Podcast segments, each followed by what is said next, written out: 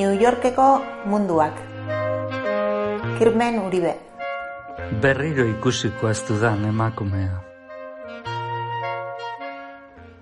Berriro ikusiko ez dudan emakumea. Niri begira geratu da. Irurogeita emeretzi garren kaleko metroko bagoira sartu zenean. Berokiko poltsikotik ateratzen zitzaidan liburuari begira berriro ikusiko ez dudan emakumeak, galdetu dit Bilbao ote duen izenburua. Berokitik liburua atera eta esan diot izenburua Bilbao, New York, Bilbao dela, eta lagun bati oparitzeko dela. Berriro ikusiko ez dudan emakumeak esan dit Bilbo ezagutzen duela. Penintxula osoa igaro zuela autoz, Lisboatik hasi eta Bilbora, eta antxe geratu zela egun batzuez. Maitemindu egin zela esan dit, hiru lau egunetako maitemina.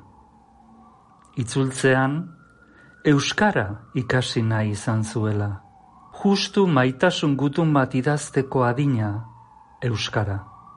Bidali nuen gutuna baina ez zidan erantzun. Agian nire Euskara txarragatik.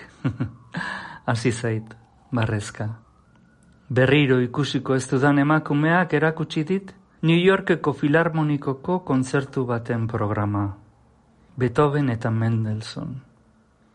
Ederra izan da, esan dit. Al baduzu, Juan. Berriro ikusiko ez dudan emakumea galdetu dit nongoa naizen. Bada, Bilbo ondokoa, esan diot. Ara, eta zein da zure lana? Idazlea. Eta orduan, metroa iritsi da nire geltokira eta ateak zabaldu dira. Agur, esan dit, berriro ikusiko ez dudan emakumeak. Agur, esan diot. Bagoitik atera eta metroa abantean jarri da. Barrura begiratu dut, eta eskuarekin keinu egin dit. Berriro ikusiko ez dudan emakumea.